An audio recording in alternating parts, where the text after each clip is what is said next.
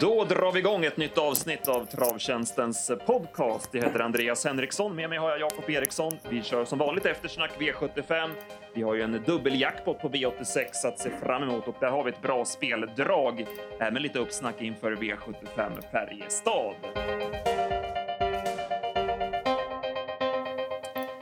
Jakob, du jobbade för oss här i lördags. Det var Jägersro på programmet och vi börjar direkt med V75s första avdelning där eh, Aileron och MT King of Cash till slut blev jämnspelade, men det visade sig bara vara en häst på banan här över upploppet. Ja, verkligen. Det var ju... Om man hade förhoppningar på att någon annan skulle kunna blanda sig i så var det ju... Det, var... det såg man redan tidigare att det stod mellan två hästar och ja, genom sista sväng så, så var det inget snack. Man såg att Johan satt nöjd och, och väl in på upploppet så kopplade ju MT King of Cash enkelt, enkelt grepp på Aileron och ja, han var ju helt ensam på banan. Det var ju en, ja, det var en fantastisk prestation så att det var ja, riktigt imponerande. Ja, han är urstark, MT King of Cash, och eh, han kom relativt smidigt fram i dödens och sen, som du säger, redan i sista sväng så hade han grepp kopplat på Aileron som gjorde det godkänt, men gav sig ändå lite väl enkelt, tycker jag. Han har blivit lite sämre formmässigt de här två senaste starterna. Ja, så känns det verkligen. Och om det var, om det var efter senast om han hade tagit loppet på, på ett mindre bra sätt. Men, men det som du säger, det är inte samma form på honom som det var för ett, för ett par starter sedan. Och, eh, det är lite kul med MT King Cash för det är, inga, det är knappast någon värvningsvinnare. Han är ju lite loj och, och ja, lite oinspirerad i värvningen men han vet ju verkligen vad som gäller när det blir lopp. Och, ja, det var ju som Johan sa, han tror inte att han har någon starkare i stallet. Så att, Eh, det blir väldigt spännande att följa honom framöver. Ja, han har ju ändrat lite grann sådär i utrustningen och sådär, Johan också verkligen hittat rätt. Så att, eh, som du säger, det blir spännande att följa och framförallt över längre distanser så duger han ju riktigt bra.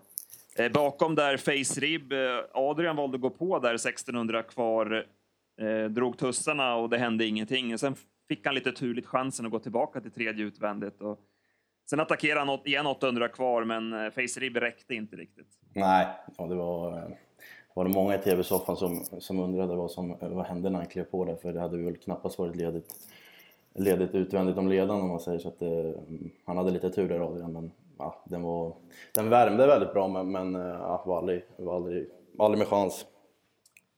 V75 2, lärlingsloppet och en bra insats av vinnande Belino B som fick öppna tufft för ledningen. Det var nio första fem och 13 på varvet, men ändå så gick han undan på ett mycket bra sätt och eh, välkörande Henriette Larsen är ett framtidsnamn också i vagnen.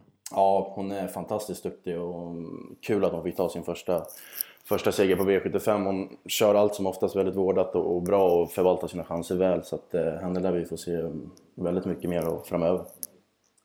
Han har ju fel lutning på statistiken, Belino B, med, med fler andra pris än första pris, men i ledningen så strider han bra. Han har ju vunnit tre av tre i spets nu och är effektiv i den positionen. Vi trodde ju mycket på Hank von Håleryd. Eh, Kevin körde ett offensivt lopp, attackerade 1300 kvar, men han kom aldrig riktigt clinch med vinnaren.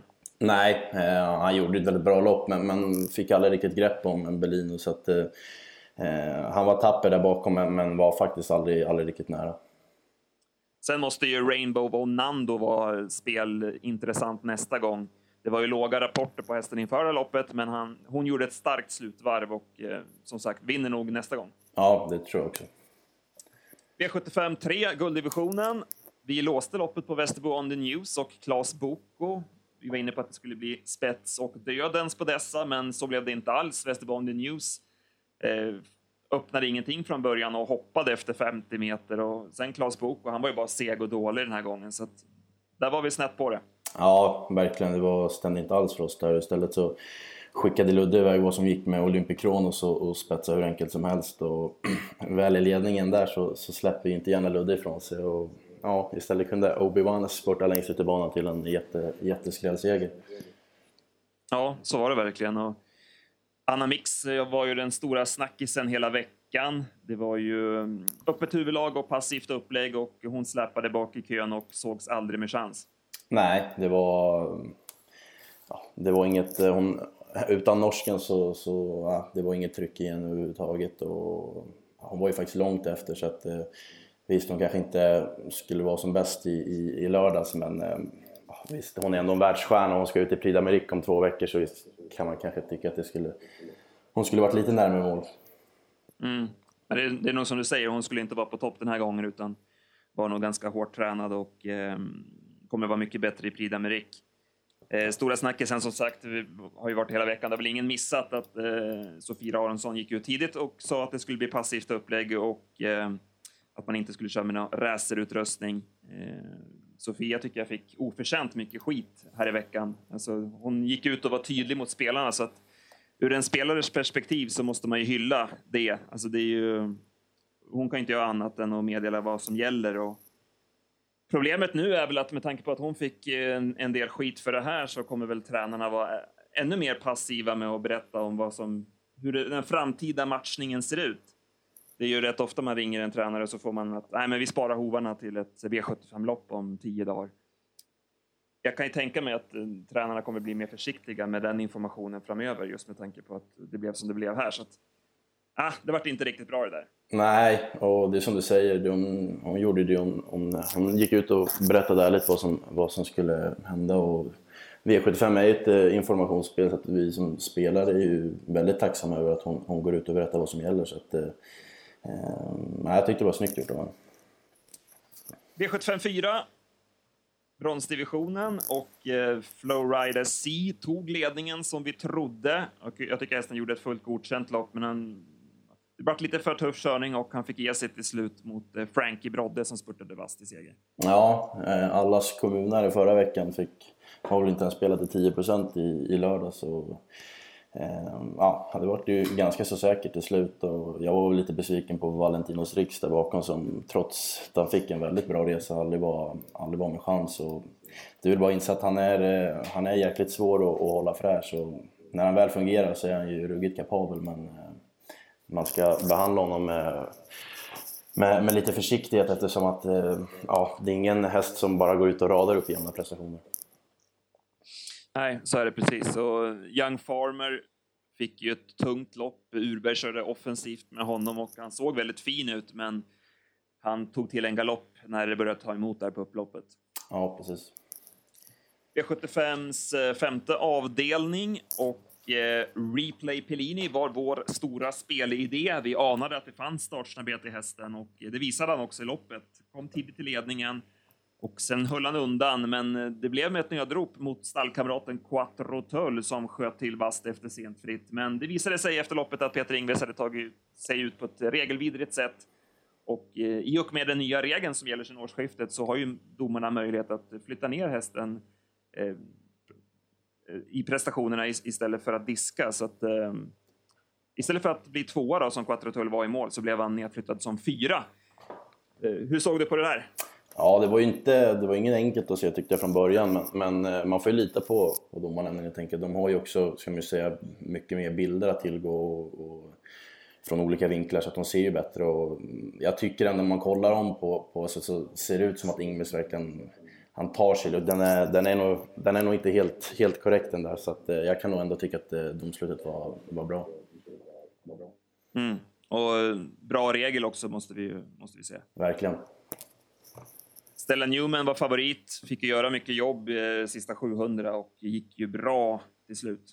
Ja, det var, det var en bra insats. Så går vi till eh, avdelning 6 och eh, här blev ju Mr Pellegrino struken sent och eh, Aaron the Baron fick därmed innerspår och eh, då lyckades han inte hålla ut Horisonte Trio från start. Men som vi brukar säga i, i den här podden att toppkuskarna sitter sällan fast med en stor favorit från spår 1 och Örjan agerade blixtsnabbt när han såg att han inte skulle kunna hålla ledningen och flyttade ut i andra spår och sen kunde han överta spets och sen var det lugna gatan ändå får man säga. Ja, det var ju man såg ju direkt att Örjan skulle fixa det. Han flyttade ju bara ut Aaron och sen så övertog han säkert ledningen. Men även fast jag tyckte inte Aaron the Baron såg lika rolig ut sista biten kontra tidigare starter så att eh, segern var ju väldigt säker såklart men, men eh, jag tyckte inte det var samma tryck i honom riktigt. Nej, kanske ska lägga in en liten brasklapp då inför nästa start för att han lär väl, lär väl bli stor favorit eh, när han kommer ut nästa gång också men du anar lite möjligt, lite formtapp kanske? Ja, kanske kan vara så. Bakom då British Steel blir ju allas nästa gångare. Spurtade ju strålande ute i, i spåren där och Evens First Boy gjorde ju också ett starkt lopp. Han gick ju på 1200 kvar Fleming och blev kvar där ute i spåren. Jag hade 12 och 4 sista 1200. Och, ja, han, går ju, han går ju bra hela vägen in. Ja, verkligen. De, de två får man verkligen plocka med sig till, till kommande start. Jag tar, jag tar med mig Hertig Schim också som satt fast med krafter kvar där bakom. Han kan nog vara aktuell i ett enklare gäng nästa gång. Mm. Sen avslutar vi med V75 7 och Thomas Urberg visar återigen hur vass han är från start och spetsade med Mulligan. Då trodde många att hon skulle vinna loppet, men eh, Örjan Kihlström körde fram Red Rose America utvändigt och hon visade att den hårdhet hon har samlat på sig här på slutet. Hon mötte ju snabbloppare näst senast och Anna Mix senast. Det blev utslagsgivande. Hon var lite för tuff för de här.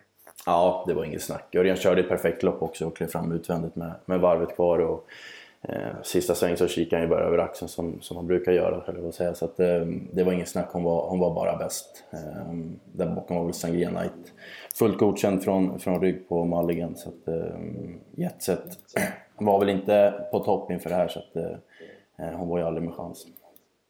Nej, hon var, hon var blek. Mm. Så ett litet frågetecken får man sätta där ändå.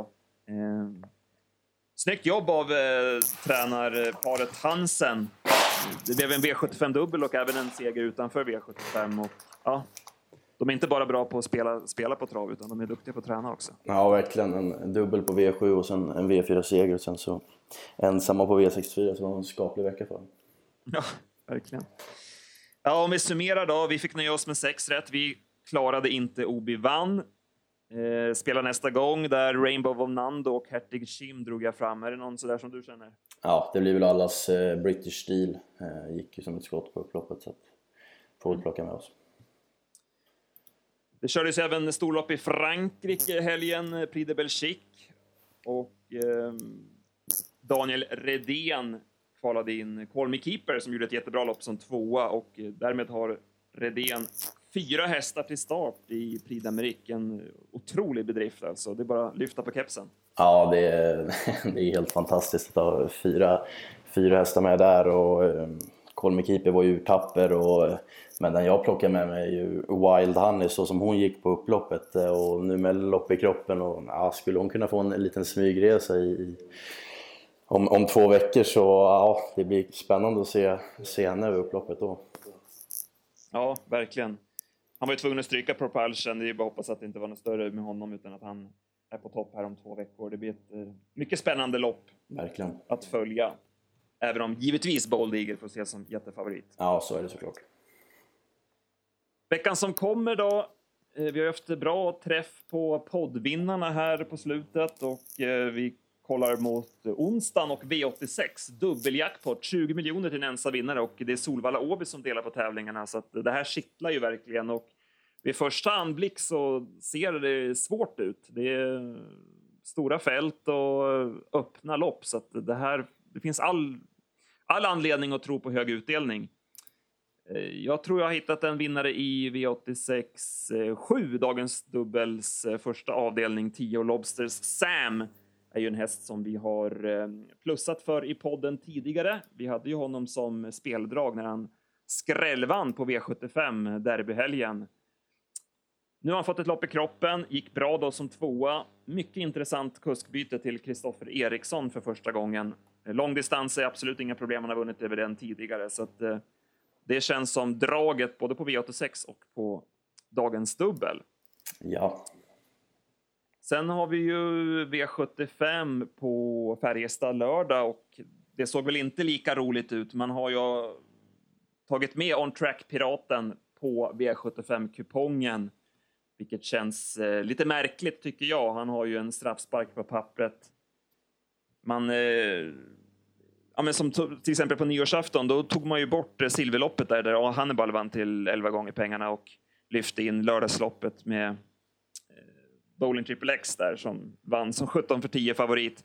Nu, nu så låter man Track prata vara med på kupongen och eh, när det fanns ett bra lördagslopp, det var ju ett eh, fint lopp med flera norska intressanta gäster och visst att Kahar QC, man måste ju ha tänkt så att Kahar QC vinner det loppet förmodligen, men eh, han kan ju alltid göra bort sig. Det var Exakt. 15 hästar i det loppet och såg öppet och roligt ut. Så lite märkligt kan jag tycka. Ja, det måste man ju säga. Som spelare gör man ju inte direkt vågen över det här. Så att, eh, ja, lite tråkigt på förhand faktiskt. Så var det. Och det såg ju lämpligt ut åt Fossens bonus och sådär också. Så att, eh, lite risk för favoritbetonat vid första anblick. Men du hade ett skrälldrag som kanske kan höja utdelningen. Ja, redan i V751 så tyckte jag Santis Amazing i debuten för Peter Strömberg, eh, hon eh, sköt till ordentligt över upploppet och mellan hästar och Charming Soul lär väl förmodligen bli favorit på läget. Och, men det är många startsnabba där och takter på Önas Igor är ju ruskigt snabb iväg och du har Farron Fay som kanske laddas med linus så att det, Trots bakspår på 1640 på Färjestad så kan det nog, eh, ja, det kan nog bli bra tempo där framme och eh, hon borde väl inte bli allt, allt för hårt betrodd. Nej, det är bra. Då nöjer vi oss så. Ja, Och laddar vi vidare så kör vi en ny podd nästa vecka. exakt. Det låter kanon. Ha det bra. Samma. Hej, hej. Hej hej.